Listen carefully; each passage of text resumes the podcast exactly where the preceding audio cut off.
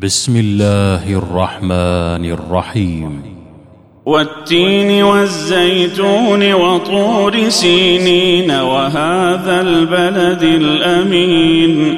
لقد خلقنا الإنسان في أحسن تقويم.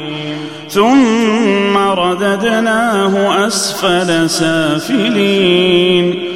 إلا الذين آمنوا الصالحات فلهم أجر غير ممنون. فما يكذبك بعد بالدين؟